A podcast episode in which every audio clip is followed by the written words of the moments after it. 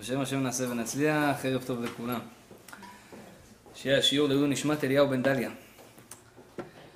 היום נדבר קצת על ניסיונות. השבוע אה, החלטתי שהרבה אנשים פנו אליי ואומרים לי, הרב, קשה, קשה, קשה, יש הרבה ניסיונות, הרבה קשיים. כל משבריך וגליך עליי עברו. כל מיני דברים שקורים לנו בחיים. לפעמים קשה לנו לשאת את זה, אנחנו לא מבינים למה השם מנסה אותנו. בסך הכל אנחנו אנשים טובים, אנחנו הולכים בדרך נכונה, בדרך טובה, אני עושה דברים טובים, אני בן אדם טוב. למה עוברים עליי כל מיני קשיים? למה יש לפעמים דברים חסימות בחיים? למה ניסיונות? אז היום אנחנו נדבר על הנקודה הזאת, על הנושא שנקרא ניסיונות בכללי, זה נושא מאוד מרתק. תכף נראה שזה באמת אולי מרכז כל החיים שלנו, זה ניסיון. אה, אבל בעיקר אנחנו נתמקד בשאלה למה החיים לא יכולים להיות פשוטים יותר.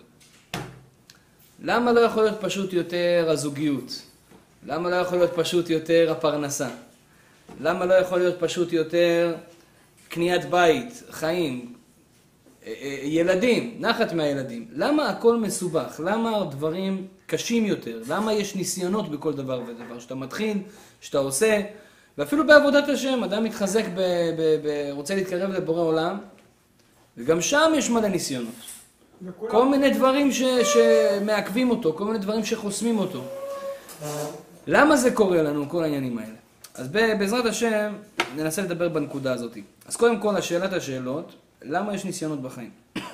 צריך לדעת שיש לנו ניסיונות כי בורא עולם בעצם נתן בעולם בחירה חופשית. כל אחד מאיתנו יכול לעשות מה שבא לו, נכון? אתה מרגיש את זה גם. בא לי עכשיו לאכול צ'יפס, אני אוכל צ'יפס. בא לי המבורגר, אני אוכל המבורגר. אף אחד לא מכריח אותי.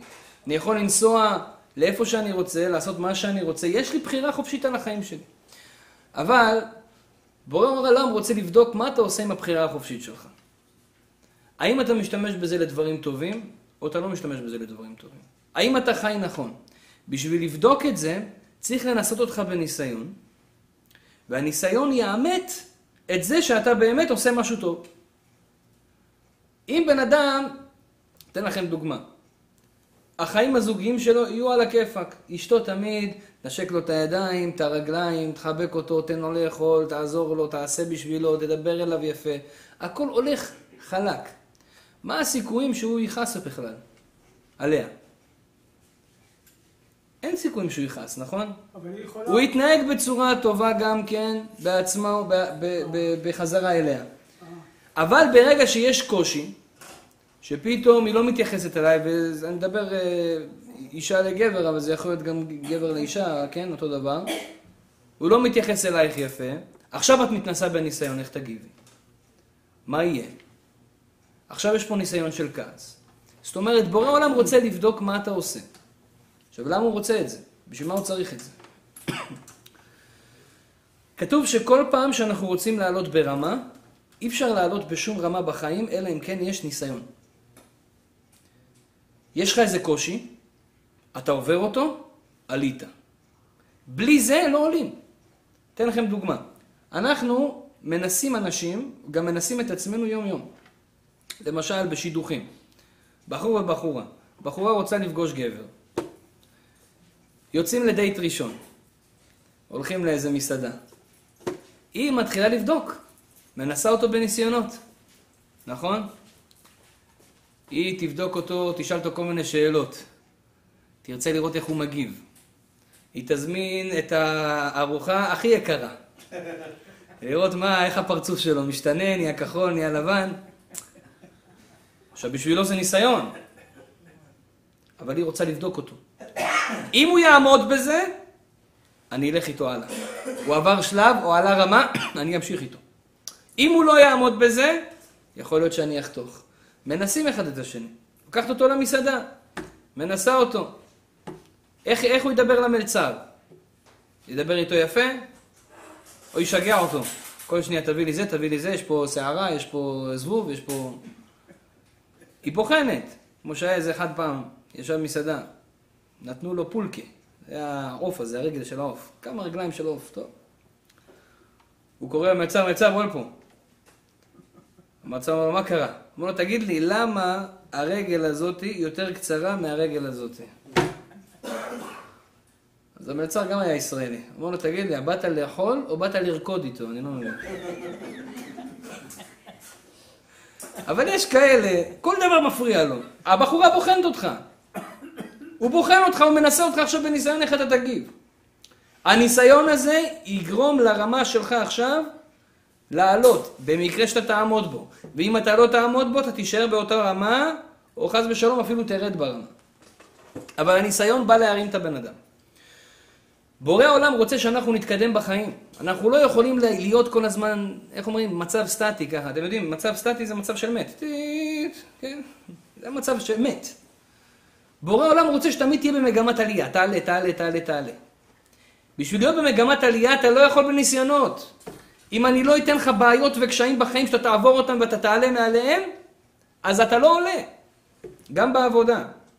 לפני שמעלים בן אדם, מנסים אותו תוך כדי מצבי לחץ, איך הוא מגיב, איך הוא יודע לעבוד. מנסים אותו, איך הוא מדבר, מה הוא עושה. זה הכל בחינה וניסיון. אותו דבר בורא עולם עושה לנו. הוא מנסה אותנו בניסיונות כי הוא רוצה להרים אותנו הלאה. ולכן, קודם כל, זה מרגיע את הבן אדם.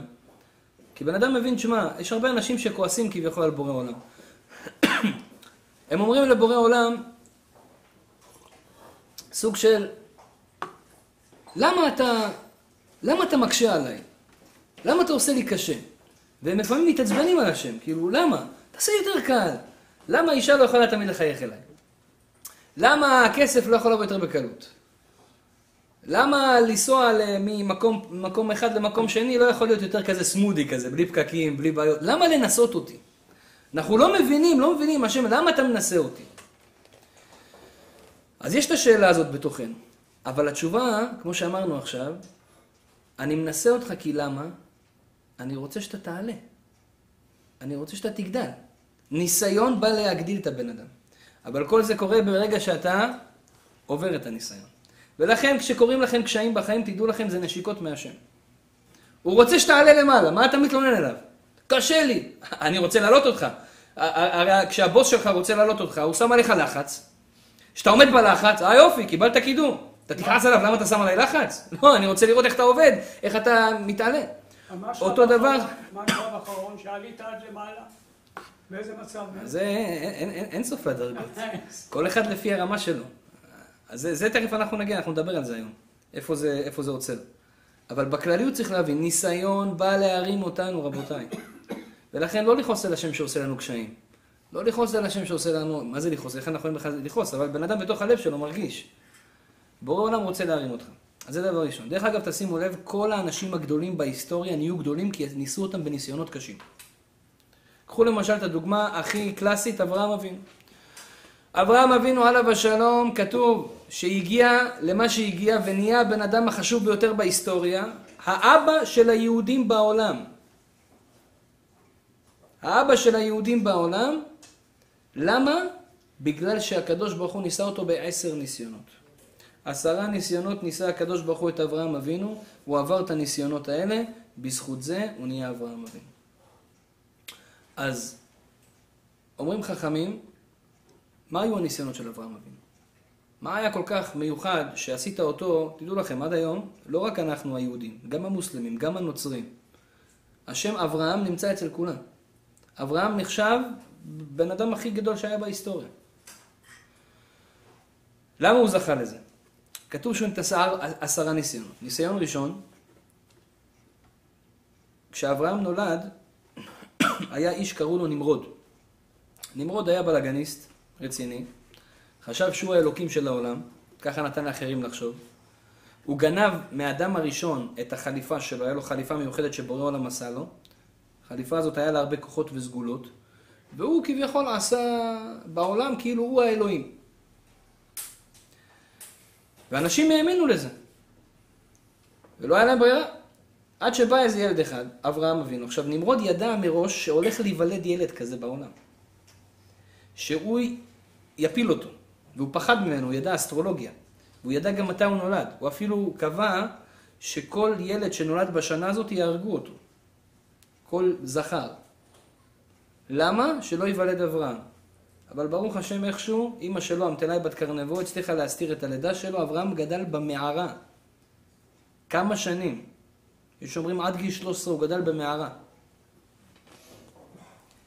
והוא הכיר את הקדוש ברוך הוא דרך הטבע, ואז כשהוא בא לאבא שלו תרח הוא ראה שכולם השתגעו, עובדים עבודה זרה. התחיל לשבור את הצלמים, והתחיל ללכת נגד כל העולם. נמרוד תפס אותו, שם אותו בבית סוהר, ואמר לו, בוא נראה אם האלוקים שלך הוא האמיתי. בוא נעשה ניסיון. אתה תקפוץ לאש, אם אתה תישאר חי, אז אתה צודק. אברהם אבינו אמר לו, אין בעיה. יש לי אמונה. בן אדם קפץ לאש. ברוך השם נשאר חי. אבל בורא עולם ניסה אותו בניסיון. אתה מאמין בי, או שאתה לא מאמין בי? עד כדי כך שתקפוץ לאש.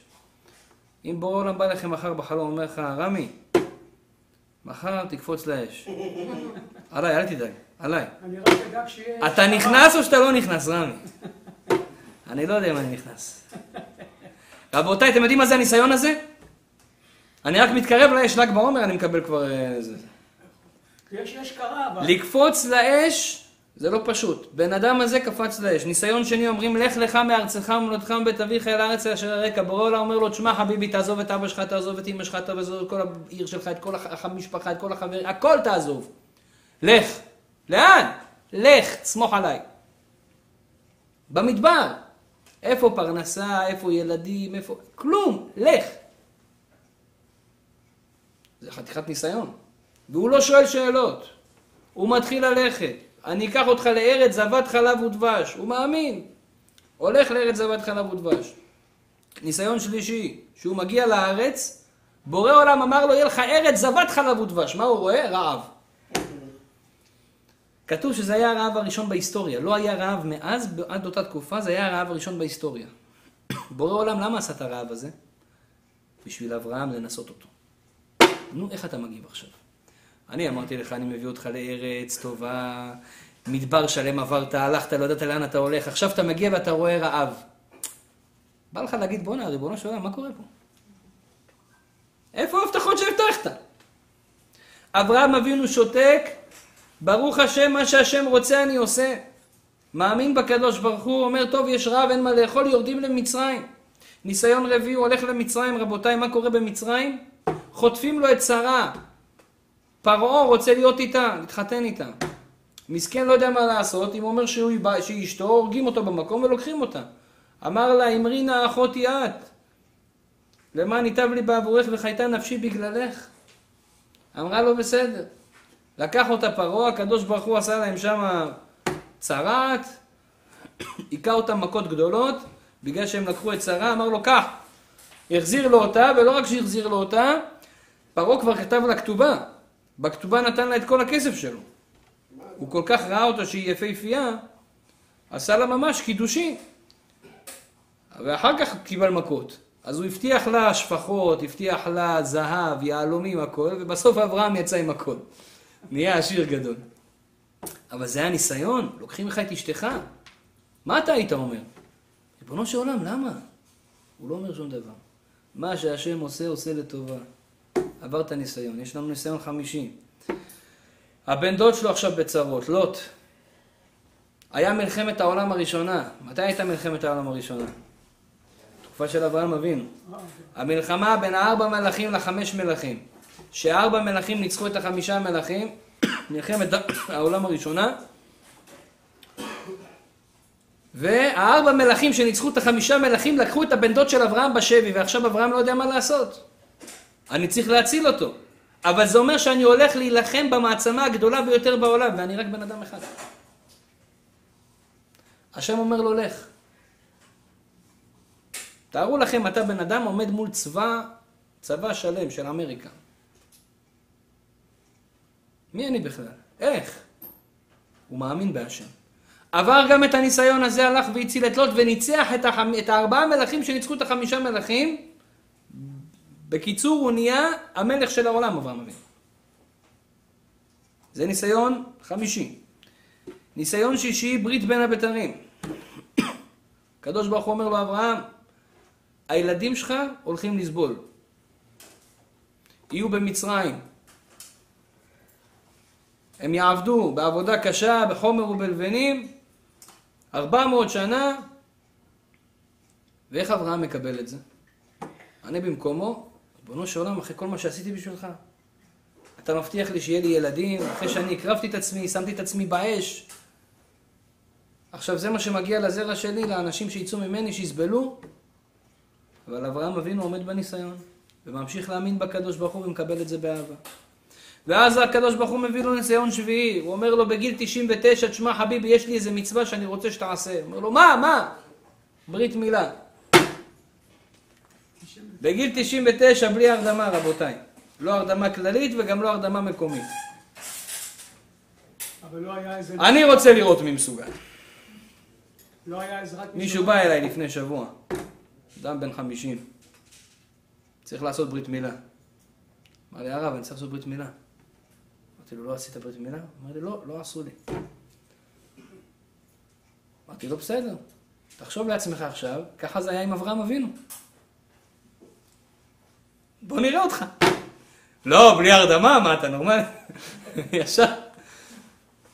אין דבר כזה, אני רק בבית חולים. תראה מה זה, זה מסירות נפש. אי אפשר לתאר בכלל. גיל 99. עמד בניסיון. אחר כך יש לנו, עוד פעם לוקחים את שרה. עכשיו מלך אחר, אבי מלך.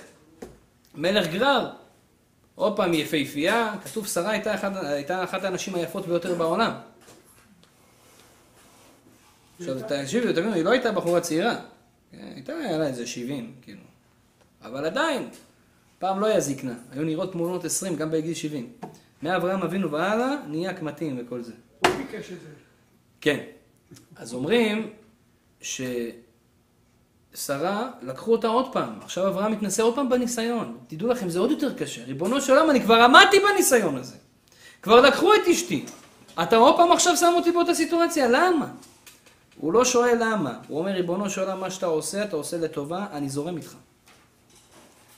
אחר כך יש לנו ניסיון תשיעי. אחד הכי קשים, רבותיי. שלום בית. יש מריבות בבית. שרה אומרת לו, תיקח שפחה, תוליד ממנה ילדים, אולי גם זה יזכה אותי להיות שיהיה לי ילדים. הוא לוקח את הגר, עכשיו יש לו שתי נשים. ברשות של שרה, היא רצתה. אבל יש שתי נשים בבית, בלאגן, עם אישה אחת אנחנו לא מסתדרים. תאר לך מה זה. שתיים. אז עכשיו, הגר נמצאת שמה, והבן שלה גדול מיצחק ב-13 שנה, והם גודלים, וישמעאל עושה בעיות. הוא מתחיל אה, להוציא את יצחק לתרבות רעה, מלמד אותו כל מיני אה, קפצונים, מטעני חבלה, עושה כל מיני דברים כאלה. שרה רואה את, רואה את הדברים האלה, היא אומרת חביבי, מה זה זה? גרש את בן האמה הזאת ואת אמו אמא שלו, לא צריך עוד מה זה, היא מלמדת ביצחק כאלה דברים, אי אפשר. עכשיו אברהם זה בן שלו, זה בן הבכור שלו, זה הבן הראשון. תאר לך עכשיו אשתך אומרת לך, קח תסלק, חס ושלום לא עליכם, אבל תארו לכם אתם מתח, מתחתנים פעמיים, בן אדם מתחתן אה, אה, פעם שנייה, יש לו ילד מנישואים קודמים, ופתאום ה... האישה אומרת לך, תעיף את הילד שלך מהנישואים הקודמים, לא רוצה אותו בבית. איזה ניסיון זה? ולא כאילו, תוציא אותו לגמרי. הוא לא יודע מה לעשות, הוא הולך לקדוש ברוך הוא, הקדוש ברוך הוא אומר לו, כמו מה שתאמר לך שרה, תשמע בקולה. אז הוא שומע והוא מגרש. זה היה לו קשה, לא פשוט היה לאברהם. כתוב אחר כך במדרש שהוא הלך לבקר אותו עוד, במצרים, דאג לו. בא אליו פעם אחת שם, ראה איזה פאטמה. כך כתוב במדרש, קראו לה פאטמה, הם לקחו אותה משם, משם את, ה... את השם פאטמה. מהמדרש הם לקחו. כי המדרש נכתב לפני שמוחמד נולד בכלל. פאטמה, פאטימה. אז זה היה הפאטמה הזאתי, ראה אותה, אברהם אבינו, היא לא הכירה אותו.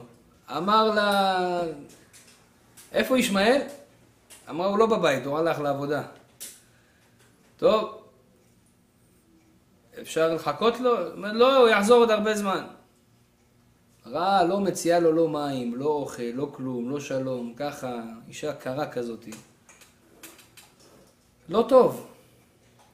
אמר לה, טוב, תמסרי לו שהיה פה איש זקן ככה, שנראה כך וכך, ותגידי לו שאני אמרתי שהוא צריך, לת... שהוא צריך להחליף את הדלת שלו, הדלת שלו לא טובה. הוא התכוון לאישה. ישמעאל היה מבין את זה. הגיע ישמעאל, אמרה לו, בא אחד כזה עם זקד. פתאום זה אבא שלי, הוא זוכר, הוא יודע. מה אמר לך? להחליף את הדלת. אין בעיה, מחר מתגרשים. יאללה. יאללה, פאטימה. תלכי. אז זה מה שהיה. אז ישמעאל הלך לגמרי, ואברהם דאג לו, הוא אהב אותו. כתוב בעקדת יצחק, כשעשה את עקדת יצחק, כתוב, קח נא את בנך, את יחידך, אשר אהבת את יצחק.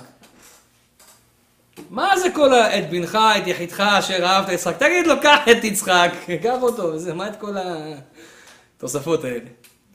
אומרים במדרש, הקדוש ברוך הוא אמר לו, קח נא את בנך. אברהם אומר לו, איזה? יש לי שתיים. הקדוש ברוך הוא אומר לו, את יחידך. היה לו מיוחד. אומר לו, שתי מיוחדים בשבילי. אשר אהבת, הוא אומר, אני אוהב את שתיהם. אומר לו, טוב, את יצחק. אבל למה אמר לנו את המדרש את הדבר הזה? אברהם אהב את ישמעאל. הוא חשב בהתחלה שממנו יצא הכל. אבל הנה, הקדוש ברוך הוא אומר לו, ביצחק יקרא לך זרע. וזה היה ניסיון. אבל הוא עמד בניסיון. שלום בית. כתוב בגמרא, קשה מחלוקת בביתו של אדם יותר ממלחמת גוג ומגוג. אנשים מפחדים, מלחמת גוג ומגוג. מלחמת העולם השלישית, פחד. תדע לך, יותר קשה מזה כשיש מריבה בבית. איזה הרגשה זה?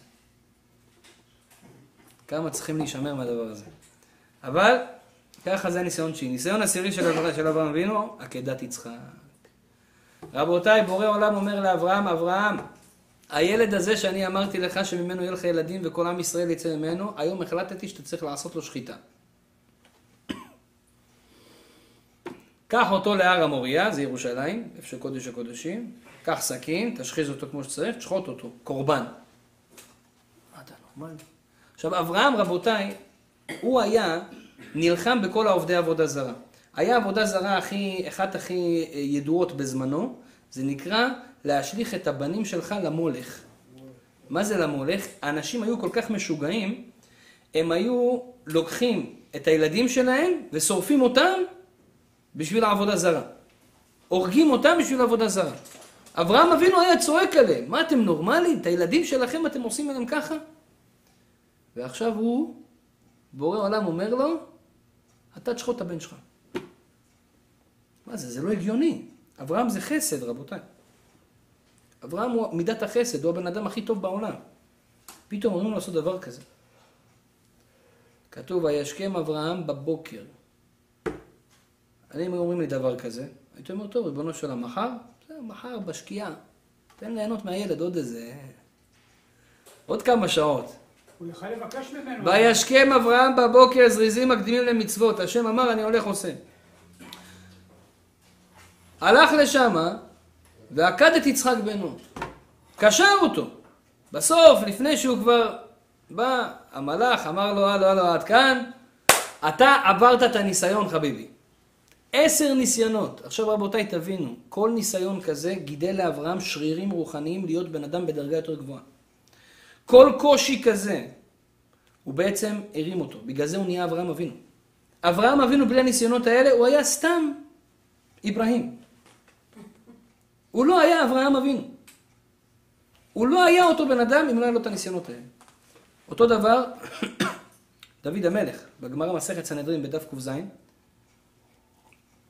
כתוב שם שדוד המלך פעם אחת בא להשם ואומר לו, ריבונו של עולם, למה בתפילה אנחנו אומרים אלוהי אברהם, אלוהי יצחק ואלוהי יעקב? אני רוצה גם יגידו אלוהי דוד.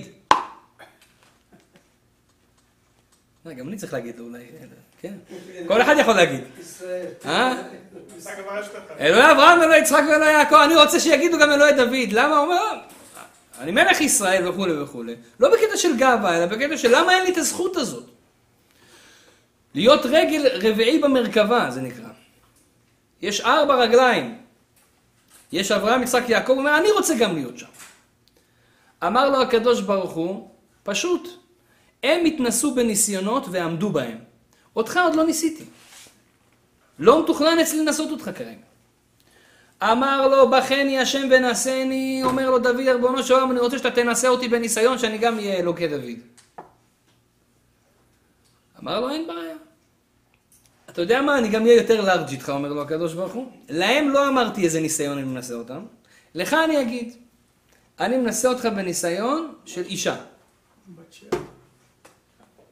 תיזהר. כתוב שם בגמרא, אני לא אפרט, אבל מי שרוצה להסתכל, שדוד עשה כל מיני טריקים בשביל להציל את עצמו מזה. שלא יתהווה לנשים. גם זה לא עזר לו. אמר לו, אני בוחן אותך עם אישה. ואז יום אחד הוא יושב על הגג, מדבר עם השם כנראה, ופתאום השטן נדמה לו כמו ציפור, שיושבת ככה על איזה גדר, ואז דוד המלך לקח איזה אבן, העיף את הציפור, ובטאו, והוציא את הגדר, ופתאום הוא רואה את בת שבע. ונכנס בו יצר הרע, אני רוצה את האישה הזאת. לקח אותה לאישה. האמת היא, אומרים, כל האומר דוד חטא אינו אלא טועה. החטא שלו הוא בכלל לא משהו שאנחנו מבינים. כי לכאורה היא הייתה אישה עם גט והכל היה בסדר שם. אבל היה חילול השם. זו היה הבעיה היחידה, היה חילול השם. אנשים ראו את זה בצורה לא כל כך יפה, מלך ישראל, ו... גם כתוב בגמרא שבת שבע הייתה מזומנת לדוד המלך מששת ימי בראשית. זה הייתה הזיווג שלו באמת. רק אכלה פגה, לקחת אותה לפני הזמן, היית צריך להמתין עוד קצת. אומרים דוד המלך נכשל. מכאן אומרת הגמרא, אמר רב יהודה, לעולם אל אדם ישים עצמו בניסיון ואל יבקש להיות בניסיון. אל יכניס אדם את עצמו לניסיון, כי גדול כמו דוד המלך הכניס את עצמו בניסיון ונכשל. כי אומר הלל הזקן, אל תאמין בעצמך עד יום מותך. יש את הבחורים האלה, אתם מכירים אותם? ואיך אל תדאג כבוד הרב, אני אלך למסעדה הלא כשרה ואני אהיה בסדר. אני אלך למועדון ואני אשמור את עצמי. אני אלך למקום הזה ואני אהיה בסדר. אל תדאג, אני אחזיק את עצמי. אל תשים את עצמך בתוך ניסיון, חביבי, דוד המלך נכשל, אתה יכול לשים את עצמך בתוך ניסיון? אל תאמין בעצמך עד יום מותך, אל תאמינו בעצמכם עד יום מותכם, אתה לא יודע מה יקרה. שהיה רבי יוחנן כהן גדול 80 שנה, שימש בכהונה גדולה, היה כהן גדול. אתם יודעים מה זה כהן גדול? נכנס לקודש הקודשים ויצא בשלום. אם הוא היה חושב מחשבה לא טובה שמה, היה מת במקום. ככה זה היה, היו תקופות בעם ישראל שכל שנה היו מחליפים כהן, כי כל שנה מישהו היה מת ביום כיפור בבית הקודשים. כי לא היה להם מחשבות טהורות. 80 שנה רבי יוחנן, אבא של מתתיהו המכבי, היה כהן גדול 80 שנה, נכנס ויצא בשלום, אחרי 80 שנה הסתובב לו הקופסה, ונהיה צדוקי, נהיה לא בדרך הנכונה. איך זה קורה לבן אדם? אל תאמין בעצמך, חביבי, הכל יכול לקרות. אל תכניס את עצמך לניסיון. דוד המלך הכניס, בגלל זה אנחנו מבקשים כל יום בתפילה, אל תביאני לידי ניסיון, לא לידי ביזיון. זאת אומרת, אם בורא עולם כבר מביא לך ניסיונות, זה טוב, זה להרים אותך, זה לחזק אותך, זה להרים אותך בדרגה, הוא רוצה שתהיה כמו אברהם אבינו. אבל אתה תכניס את עצמך בעצמך לניסיונות? לא, לא, לא, לא, עד כאן. אל תסכן את עצמך. אבל כתוב שאומרים חז"ל שכשהקדוש ברוך הוא מנסה אותנו בניסיונות, לפעמים בן אדם אומר לבורא עולם, תשמע, כבד עליי. לפעמים אנחנו רואים שיש לנו ניסיונות בחיים קשים. כל אחד בתחומים שלו. לפעמים בן אדם מקבל איזה, לא עלינו איזה מחלה, אומר, תשמע, זה כבד עליי. איזה כאב מסוים. איזה בעיות ב- ב- ב- ב- בשלום בית או בעיות עם הילדים, שזה גדול עליו. אתם יודעים, כל אחד, שלא מזמן שמעתי, בן אדם, נולד לו ילד עם תסמונת, לא עלינו. איזה ניסיון זה? כל החיים, אתה צריך לטפל בו. אתה לא רואה ממנו נחת, כביכול. אתה לא רואה פירות בסופו של דבר. איזה ניסיון גדול זה. לפעמים בן אדם אומר, ריבונו של עולם, זה גדול, זה גדול עליי. רבותיי, תקשיבו טוב. כתוב בגמרא, לעולם, בורא עולם לא נותן לבן אדם ניסיון שהוא לא יכול לעמוד בו. השם לא ייתן לך משהו שהוא גדול עליך. הוא מלביש לך כפפות שמתאימות עליך, הוא לא ייתן לך כפפות גדולות. ואני אתן לכם לזה הוכחה. כתוב, יש סיפור, קודם אספר לכם סיפור. היה אדמו"ר גדול, רבי ישראל מרוז'ין. יום אחד היה לו תלמיד אחד עשיר. היה לו הרבה כסף, היה לו הרבה סחורות, הוא היה סוחר ממדינה למדינה. הרבה פעמים היה מצב שהוא היה משקיע את כל הכסף שלו, כמעט את כל הכסף שלו, בסחורה אחת. משהו רווחי. והיה לו איזו אונייה שהייתה צריכה להגיע עם כל הסחורות שלו. ממש רוב הכסף שלו, כמעט הכל, באונייה הזאת. והוא היה במסיבת חתונה. רוקד, וודקה, ויסקי, יין, מה שאתם לא רוצים, עף באוויר, גלגלונים, ליצנים, הכל. ממש היה בשמחה. פתאום נשמעה שמועה שהאונייה הזאת טבעה בים. באים אליו כמה חבר'ה ששמעו את זה, אתה יודע, אז היה גם חדשות מפה לפה והכל. תשמע, שמעת, שמעת מה קרה? מה? האונייה שלך טבעה. ההוא קיבל ממש כמו דום לב כזה. התעלף, במקום, מהשמועה. הם כולם מביאים מים, נותנים לו סטירות, מעירים אותו. ההוא קם, מתאושש, מה קרה, מה קרה? מזכירים לו, הוא נזכר, עוד פעם מתעלף. ככה כמה פעמים, חמש, שש, שבע, עשר פעמים בן אדם מתעלף. כבר לא ידעו מה לעשות, הם ממש פחדו עליו. הלכו לאדמו"ר, הוא היה שמה, כמה בתים מהמקום, הלכו אליו, אמרו לו, הרב, כך וככה, התלמיד שלך זה מה שקורה, הוא מתעלף כל הזמן, הוא מתעורר לכמה דקות, עוד פעם מתעלף. רק נזכר בזה, מתעלף. אמר להם, תגידו לו באוזן שהייתה טעות, וזה לא האונייה שלו. טוב. האדמו"ר אמר, הלכו, האדמו"ר, דיברנו עם האדמו"ר, הוא שמע וזה, הוא יודע שזה היה טעות וזה לא האונייה שלך. ההוא התאושש, ברוך השם, הכל בסדר, תנו לו מים. עכשיו, כל התלמידים חשבו, האדמו"ר אמר סתם, כאילו, אתה יודע, הוא רצה להרגיע אותו. אז הוא אמר, כאילו, תגידו לו שזה לא נכון, לפחות שיתאושש מזה. אחרי כמה שעות באמת שמעו שזה היה טעות. זו הייתה אונייה אחרת שטבעה. וזה לא האונייה שלו. ואז באו לאדמו"ר ושאלו אותו, הרב, וואו, זה היה חזק עכשיו. איך הרב ידע? מה, אתה נביא? איך אתה יודע? אמר להם, לא נביא אני ולא בן נביא אני. אלא מה? כתוב, הקדוש ברוך הוא לא נותן לאדם ניסיון שהוא לא יכול לעמוד בו. האיש הזה לא יכול לעמוד בזה. ראיתם, הוא כל פעם מתעלף. הוא לא יכול לעמוד בבשורה הזאת שעכשיו כל הכסף שלו ילך. הוא לא ברמה לעמוד ולהתמודד עם קושי כזה. והנה הראיה שהוא לא מצליח. אז כנראה זה לא נכון. כי השם לא נותן לבן אדם ניסיון שהוא לא יכול לעמוד בו, זה מדהים. אבל זה האמת. היה מלך אחד שקראו לו נבוכדנצר. נבוכדנצר, מלך בבל. רק השם הזה כבר כזה, שם כזה של... אה, מפחיד. נבוכדנצר, הוא החריב את בית המקדש הראשון. הוא היה מלך רע מאוד.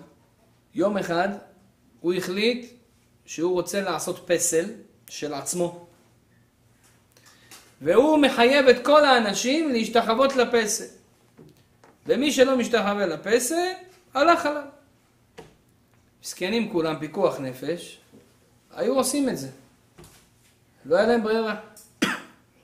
שלושה אנשים לא השתחוו לפסל שלו. חנניה, מישאל ועזריה.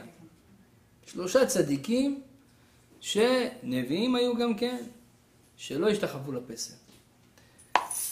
ההוא התעצבן עליהם, ונכנס לו רעיון בראש, תפעילו את האש של התנור פי שבע מהרגיל.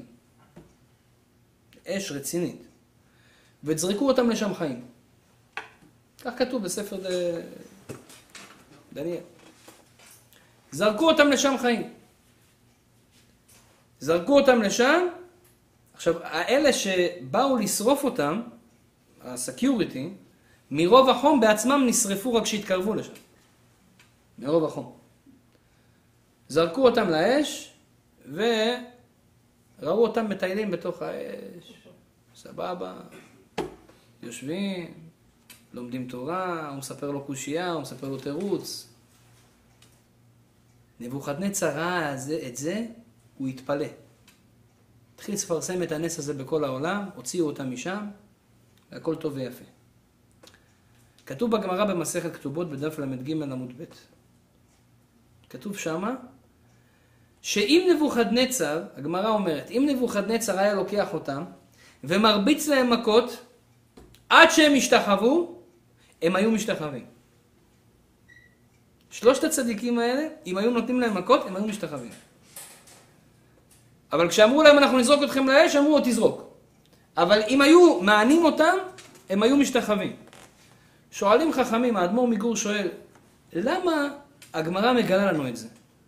חבר'ה צדיקים, למה אתה אומר עליהם כאלה דברים? שאם היו מכריחים אותם, אז הם כן היו משתחווים. אל תגיד לנו את זה. ומאיפה אתם יודעים? למה אתם אומרים לנו את זה? אלא אומרת הגמרא, הגמרא רצתה להסביר לנו שלמה בורא עולם הכניס להם נבוכדנצר דווקא לזרוק אותם לאש ולא לתת להם מכות? כי בורא עולם ידע שאם ייתנו להם מכות, הם לא יוכלו לעמוד בניסיון הזה. אז הוא לא נתן להם את הניסיון הזה.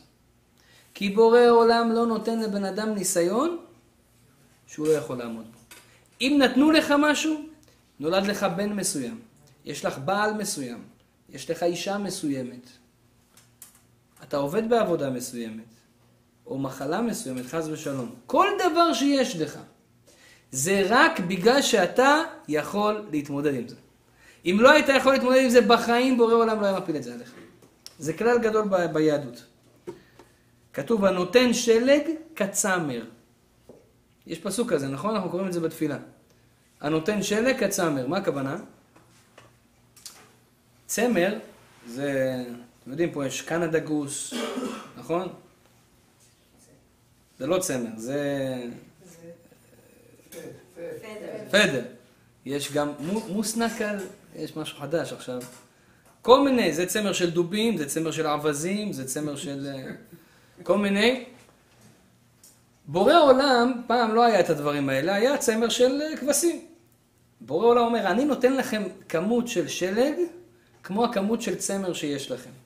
מה הכוונה? אם לא היה לכם אפשרות להתחמם מהשלג, לא הייתי נותן את השלג. אתן לכם דוגמה, האמת היא, אתם זוכרים מה קורה בארץ שיורד שלג? איזה בלאגן, נכון? שלוש מילימטר שלג, אין בית ספר, כולם בפקקים, אף אחד לא זה, אי אפשר לעבוד, וואי, בבית, אין. כל המדינה שובתת. פה יורד לך מטר, הכל בסדר. הולכים לעבודה, ממשיכים לבתי ספר, הכל טוב. למה? הקדוש ברוך הוא נותן מטר שלג למקומות שיכולים לשרוד את זה. לגלגלים של מכוניות שיכולים לעבוד עם זה. הנותן שלג כצמר, כמו הצמר שיש לך, נותן לך שלג. אני לא נותן לך ניסיון שאתה לא יכול לעמוד בו. אני נותן לך רק ניסיון שאתה יכול להכין אותו ואתה יכול לקבל אותו על הגב שלך. ועכשיו, מכאן אנחנו לומדים שקודם כל, אם כבר יש לנו איזה ניסיון בחיים, הניסיון הזה, זה אפשרי לנו לעמוד בו. יותר מזה אני אגיד לכם, כתוב שהיה רבי יהושע בן חנניה, הוא קבור בצפת, לפני אלפיים שנה. הוא היה חכם גדול מאוד, לא רק בתורה, אלא גם בחוכמות אחרות. הוא היה ה-representative, כאילו המייצג של עם ישראל מול הגויים. כל מה שהגויים היו מתווכחים איתנו על שאלות, ולפעמים היו שואלים דברים מאוד מאוד קשים, הוא היה יודע לענות להם. וכולם היה משתיק. הוא היה משהו מדהים. חכם לא נורמלי. רבי יהושע בן חנניה. כשרבי יהושע בן חנניה זקן, והוא הלך למות, באו אליו התלמידים ואמרו לו, רבנו, מה נעשה עכשיו? מי יתמודד מול החוכמה של הלא יהודים שהם כל הזמן מנסים להילחם איתנו? אמר להם, אל תדאגו. כשאני אפטר מן העולם, לא יהיה לכם את הבעיות האלה. למה? בגלל שלא יהיה בן אדם שיודע להתמודד עם זה, אז החוכמה של הלא יהודים אוטומטית תרד, הם יהיו פחות חכמים. כי כשאין משהו שיתמודד, אני גם לא נותן ניסיון. כשאני נותן ניסיון זה אומר שאתה יכול להתמודד. כשאתה לא יכול להתמודד, אני לא נותן לך ניסיון. אני פשוט לא נותן לך את זה. ככה בורא עולם. וזה כלל גדול מאוד בניסיונות, וזה מרגיע מאוד את הבן אדם. כשאתה יודע, מה שיש לי, מה שקיבלתי, אני יכול לעמוד בזה. והעובדה שאתה יכול לעמוד בזה, שזה קרה לך. כי אם לא היית יכול לעמוד בזה, זה לא היה קורה לך. שאלת השאלות היא, אז איך מתמודדים עם הניסיון? כשבא קושי בחיים, איך אני מתמודד איתו? אומרים חכמים, הדבר הכי חשוב לדעת זה להיות מוכן. כשאתה מוכן למשהו, זה הרבה הרבה יותר קל. מה הכוונה? אחד הבעיות שלנו בחיים, שאנחנו לא מוכנים לניסיונות. אדם שיוצא למלחמה, הוא יודע שהוא יוצא למלחמה, בגלל זה יותר קל לו להילחם. אבל אם מלחמה פתאום באה ובום, אז זה מאוד מאוד קשה. כל דבר שהוא הפתעה, הוא קשה. הנה, מלחמת יום הכיפורים שהייתה בארץ בשנת 73. זה היה בהפתעה, אף אחד לא ציפה לזה. אבל מלחמה שאתה מכין את עצמך, הרבה יותר קל. כל דבר שאנחנו מכינים את עצמנו הוא קל יותר. אותו דבר גם בניסיונות החיים. אדם שיודע שהחיים הם ניסיונות. צריכים להכניס לנו את זה ל-CD פה, להארד דיסק שלנו במוח. החיים מלאים ניסיונות. רבי נחמן ברסלב אומר, כל העולם כולו גשר צר מאוד, ויש כאלה ששרים, כל העולם כולו מלא ניסיונות. זה המהות של העולם. כל עבר, כל פינה יש ניסיונות חדשים. יש קשיים חדשים, יש התמודדויות חדשות. זה העולם. עכשיו, כולנו חיים באיזשהו סרט הוליוודי, שהעולם זה נופש. העולם זה צריך לנוח, צריך שיהיה כיף, צריך שיהיה טוב. ובורא עולם כותב בפורש בתורה, אדם לעמל יולד. העולם הזה זה עבודה. באנו לעולם הזה לעבוד. מה העבודה? ניסיונות. למה אנחנו מתבאסים וקשה לנו לקבל את הניסיונות? אתם יודעים למה? כי במוח שלנו העולם הזה זה כיף כיף, זה נופש, וכשיש ניסיונות אנחנו מתבאסים, אוף, ניסיון, קשה לי. אבל אם מלכתחילה אתה מתעורר בבוקר, אתה מבין, כל העולם זה ניסיונות, בוא נילחם. בוא נעבור את הניסיונות. הרבה יותר קל לך לחיות ככה. אתן לכם משל למה הדבר דומה. אדם שבא לעבודה, יום הראשון בא לעבודה, שם ככה, פורס כזה סדין, רואה יש שמש בדיוק בעבודה, פורס סדין, שם קרם הגנה, שוכב, שם איזה מטריה, איזה קוקוס ככה עם קשית, אה, השתבח שמולה. תארו לכם, אתם רואים דבר כזה. מגיע, מגיע הבוס וכל זה. אמרו לו, מה קרה לך? פה עובדים, נשמה. מה אתה נח לי עכשיו? זה מקום של עבודה, מה? זה תיסע לקובה, אני יודע, פה עובדים. אותו דבר, ככה ברור העולם מסתכל עלינו. העולם הזה זה נקרא עולם העבודה. ואנחנו באים לפה ומחפשים קוקוסים. ואז, ואז כשיש קושי, שזה בעצם העבודה שבשבילה באנו לעולם הזה, אנחנו אומרים, אוף, קשה. בשביל זה באת, נשמה. זה לפעמים מצער לשמוע, כאילו, אה, לא, לא באנו פה לנוח, כאילו? חשבתי שאנחנו עובדים קשה ושבסוף בפנסיה ככה לשכב בכיף זה. לא. זה לא יודע מי לימד אותנו את זה, אבל זה לא תכלית החיים. העולם הזה זה עולם עבודה, אדם לעמל יולד. באנו לפה, יש יצר הרע, הוא עושה לנו כאלה צרות, הוא לא יעזוב אתכם. תאמינו לי, גם מי שרוצה לנוח, הוא לא ינוח. גם זה שעובד קשה ונהיה מיליונר, ועכשיו אומר, זהו, אני בן 50, הגעתי ל-300 מיליון דולר שלי, עכשיו אני אנוח, לא ייתנו לו מן השמיים לנוח, פתאום יש לו פריצת דיסק. אחר כך יש בעיה עם הילדים. הרבה צרות הקדוש ברוך הוא יכול להמציא, זה לא בעיה. לנוח אתה לא תנוח פה, כי זה לא עולם של מנוחה. עולם של מנוחה זה עולם הבא. יום שכולו שבת ומנוחה לחיי העולמים. עולם הזה זה עולם של עבודה. עכשיו, למה אנחנו, קשה לנו בחיים ואנחנו בדיכאון? אתם יודעים למה? כי אנחנו חושבים שהעולם הזה זה העולם הבא. ואז כשיש קצת קושי ויש עבודה, אתה מתבאס. אז מה? אז מה צריכים לעשות? צריכים לקום בבוקר ולהגיד, היום אני יוצא למלחמה, אני מוכן לניסיונות, אני יודע שיהיה ניסיונות, אני יודע שיהיה ניסיונות בבית, אני יודע שיהיה ניסיונות בעבודה, אני יודע שיהיה ניסיונות עם הילדים, ואני מוכן לזה. הילדים שלך באים מהבית, מהבית ספר. בדרך כלל כל אמא ואבא חושבים, אוקיי, עכשיו אני אנוח, סוף היום. ואז הם נהיים עצבנים, למה? אני רציתי לנוח, ובסוף ראיתי שאני צריך לעבוד. אז אני מתבאס. אבל אם אתה תיכנס הביתה ותגיד, אני נכנס לעבודה השנייה. יהיה הרבה יותר קל.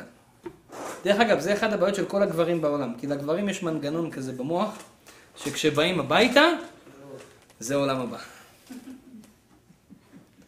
עכשיו אני הולך לקבל את השכר הצפון לי מששת ימי בראשית, על כל העמל והטרחה שעשיתי כל החיים, על הספה, יש כאלה מחמירים גם עם הטלוויזיה, השם ישמור, ו... עד דלא ידע, עד הבוקר, שאף אחד לא יפריע לו. עם כוס בירה וצ'יפס. כן? אז זה, זה בעיה. למה? כי עכשיו כל פתאום עבודה שתבוא אליך, זה יעשה לך רע. ואז יתחילו מריבות, יתחילו בעיות, צריך לקום לילד, צריך לעשות בשבילו ככה, צריך לעשות בשביל אשתך ככה. תבוא הביתה כבר מראש להבין, באתי, אני, אני בא גם פה לעבוד. החיים זה עבודה. ואתם יודעים מה? זה אחלה של עבודה, בואו ניקח את זה בכיף.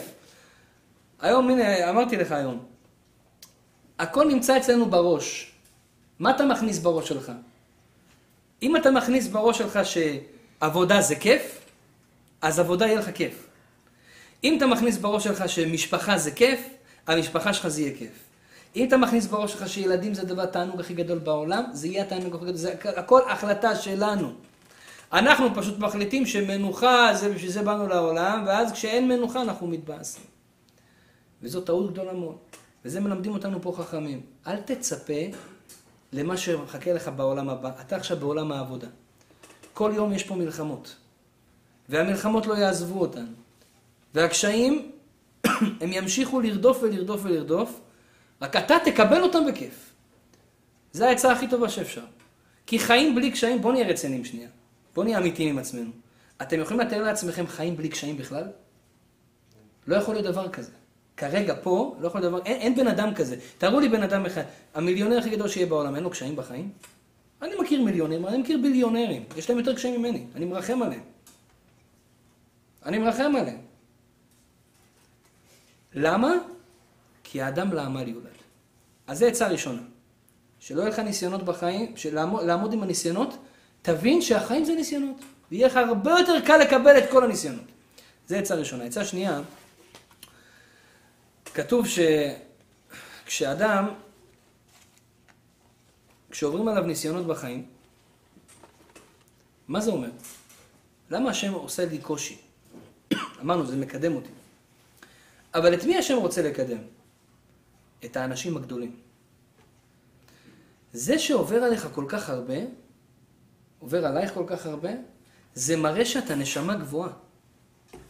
באמת. כי אם אתה לא היית נשמה גבוהה, יצר הרע לא היה נלחם עליך בכלל. אם אתה לא היית נשמה גבוהה, אם לא היה לך פוטנציאל אדיר, בורא עולם לא היה מתעסק איתך לתת לך ניסיונות לעלות אותך עוד יותר גבוה. הוא פשוט יודע שאתה יכול להיות כל כך גדול, ואתה יכול לעמוד בניסיון. השם לא נותן ניסיון לבן אדם שלא יכול לעמוד בו. זאת אומרת, אתן לכם משל למה הדבר דומה. כשניסיונות זה קשה, זה כמו לקבל בומבות מהשם, נכון? כשבן אדם רוצה לבדוק אה, גלגל, אתם מכירים את האלה שהולכים לבדוק אה, מכוניות? אז איך אתה בודק מכונית? איך אתה בודק שהיא טובה? אז אתה רוצה להראות שאתה קצת מקצועי, אז אתה בועט בגלגל ככה, נותן לו איזה בעיטה ככה. אה, מנופח. זה מנופח. פעם ראי, עכשיו, אם אתה רוצה לבדוק נגיד כוס זכוכית שהיא איכותית, אתה עושה ככה, אתה מקיש, אה, טוב. אם אתה עכשיו תבוא לגלגל ותעשה לו ככה עם האצבע, זה יבדוק משהו? זה לא יבדוק משהו, נכון? ואם אתה תבוא לכוס זכוכית ותתן להם בעיטה, אז ישבור אותה. גלגל זה משל לבן אדם חזק, אדם שיש לו נשמה גבוהה, אדם שיש לו כוחות. אדם שיש לו כוחות, הקדוש ברוך הוא, איך הוא מנסה אותו? איך הוא בודק אותו? בבעיטות. קשיים קשים, שבונים אותך. אבל אדם שהוא קטן, אין לו הרבה כוחות, נותנים לו נקישות קטנות. גם לא יהיה קשיים, אבל הקשיים שלו קטנים. עכשיו, אם אתה שמת לב שיש עליך קשיים גדולים, תסתכל מסביבך, תגיד, בואנה, איזה מטענים הקדוש ברוך הוא מפיל עליי. השתבח שמו לעד. אתה יודע מה זה אומר? זה אומר שאתה חתיכת בן אדם גדול. שאתה נשמה ענקית, עצומה, ועץ הערה נלחם עליך. הוא לא רוצה שאתה תהיה קדוש, שאתה תהיה גבוה, שאתה תהיה גדול. אז אמור מאוד לחזק את הבן אדם, כי זה האמת. כמה שיש לך יותר ניסיונות, זה מראה כמה שאתה יותר בן אדם עם פוטנציאל אדיר וגדול. אז זה עצה שנייה להתמודד עם הניסיונות, להבין שאם יש ניסיונות, זה אומר עליי שאני בן אדם גדול, זה נותן לך חשק להתמודד עם הניסיון. אז אני יכול, יש לי את הכוח. דבר שלישי, רבותיי, בורא עולם נותן לנו הרבה פעמים ניסיונות בחיים, והטעות שלנו, שאנחנו לא יודעים להילחם נכון. מה הכוונה? איך מתמודדים עם ניסיונות? קורה לך איזה קושי, פתאום בלאגן בבית, איזה מריבה, פתאום פיטרו אותך מהעבודה. איך אני מתמודד עם זה? כל מיני דברים שקורים לאדם. בחור יצא עם בחורה, אמרה לו לא.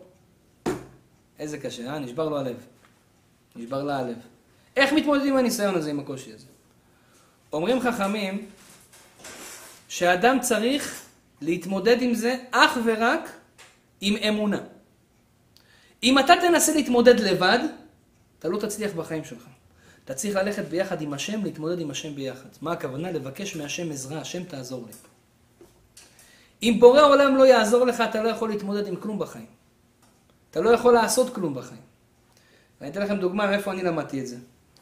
הייתם בים פעם? כן? בארץ, בים, אתה הולך לים התיכון, ככה קצת אה, לנפוש. אז כשהייתי ילד, מאוד עניין אותי הקטע הזה. תשימו לב, כשאתם הולכים בים, אם אתה נמצא מאוד קרוב לחוף, אז הגלים הם כאלה חזקים. הם, הם בדיוק נוחתים עליך ופוגעים בך, נכון? אבל אם אתה הולך קצת יותר עמוק בים, הגלים כאלה נחמדים כאלה, הם כאלה, הם לא, הם לא נופלים. הם גלים גדולים, אבל זה גלים כאלה מלטפים. אז אני חשבתי, זה בדיוק משל לבורא עולם. הים זה כמו הקדוש ברוך הוא, כביכול אין סוף. כשאתה נמצא עם השם, שהשם עוטף אותך מכל הצדדים, כשאתה נמצא במים העמוקים, השם נמצא, אתה איתו ביחד. בורא עולם, אתה תעזור לי. אז כל הגלים של החיים, כל משבריך וגליך עליי עברו, אומר דוד המלך, כל הגלים, כל הקשיים, כל ניסיונות של החיים, כשהשם עוטף אותך, שאתה עם בורא עולם, שאתה חי באמונה, שאתה אומר לו, ריבונו של עולם, אתה תעזור לי, אני איתך, אני יודע שאני לא יכול לבד, הכל יעבור לך ככה סמודי, נחמד. אבל כשאתה נמצא ליד החוף, אתה לא בתוך המים, אתה לבד. מים רק קצת ברגליים. אז עכשיו זה כל הגלים ה... אלה ששוברים אותך. הגלים החזקים וגם מנסחים לסחוב אותך בפנים. זה אומר לך שאם אתה רוצה להצליח להתמודד בחיים, אתה צריך להבין, אני לא יכול לבד, אני צריך את בורא עולם שיעזור לי. יש לך קושי עם אשתך, הכתובת הראשונה זה הקדוש ברוך הוא. לך אליו, דבר איתו, תגיד לו, ריבונו של עולם, אני לבד לא יכול לפתור את הבעיה הזאת. אני צריך שאתה תהיה איתי ביחד. איך אני עושה את זה? לך תבקש עצה מהרב. לך לדבר עם השם דירקטלי, ישיר. יש לך בעיה בפרנסה, איבדת את העבודה, דבר על זה עם השם. כל המשברים, כל הגלים, כל הניסיונות, אנחנו צריכים לקחת את זה עם בורא עולם ביחד. כשאתה לוקח את זה עם בורא עולם ביחד, אתה תעבור את הניסיון. אבל ברגע שאתה אומר, ריבונו של עולם, אני אסתדר, אני אעשה, אני אמצא עוד עבודה, אני אעשה עוד ככה, אני... אני, אני, אני, אני, אני, אני, אני, השם הוא לא בתמונה, השם אומר לך, תסתדר לבד, בוא נראה אותך. ובדרך כלל אנחנו לא מצליחים כמו שצריך. נכנסים לסטרס, נכנסים לבעיות, ושום דבר לא מצליח כמו שצריך. יש לנו אבא גדול בשמיים שאומר לנו, אני יכול הכל. רק הבעיה שלנו שאנחנו לא מבינים שהוא יכול הכל. אנחנו לא מאמינים שהוא יכול הכל. זרוק את זה עליו, תגיד לו, ריבונו של עולם, אתה תהיה איתי, בבקשה ממך, תעזור לי, אנחנו נראה עזרה. וזה העצה של ההתבודדות, שאני הרבה פעמים מדבר על זה. שאדם ילך, ידבר עם השם, יגיד לו, בורא עולם, כל משבריך וגליך עליי עברו, אני עובר קשיים, אני עובר ניסיונות. אתה תעזור לי, אתה תהיה עמדי, אני אצליח. ואדם יראה ישועות, אדם יראה פתיחות בכל העניינים, בכל הדברים. זה כתוב בתורה, קרוב הדבר הזה עליך מאוד, בפיך ולבבך לעשותו. ההצלחה של החיים היא מאוד קרובה. אנחנו ככה ליד ההצלחה. מה זה ההצלחה של החיים? בפיך ובלבבך. דבר עם השם בפה. תגיד לו, ריבונו של עולם, תהיה איתי, תעזור לי, אני צריך א', ב', ג', ד'. בלב, תאמין באמונה שלמה שהשם יכול לעזור לך. אם תעשה את שתי הדברים האלה, אתה תצליח בכל דבר ודבר. וכל הניסיונות שלך בחיים, הם פשוט יעברו כמו הגלים האלה הנחמדים שיש לנו בתוך הים. ולא הגלים האלה שיש לנו ליד החוף. בעזרת השם, שהשם ישלח לנו ברכה והצלחה בכל מעשה ידינו, וכל מה שנעשה נשכיל ונצליח, וכל הניסיונות שעוברים עלינו, ולא רק עלינו, על כל עם ישראל, אנחנו כולנו קשורים אחד עם השני. בעזרת השם הקדוש ברוך הוא ימתק את הדינים מעלינו, שכל הניסיונות האלה נעבור אותם בשלום, בשמחה, ונבין שבשביל זה באנו לעולם, ונשמח. כל קושי וכל ניסיון זה טוב, זה הכל מהקדוש ברוך הוא. אמן ואמן.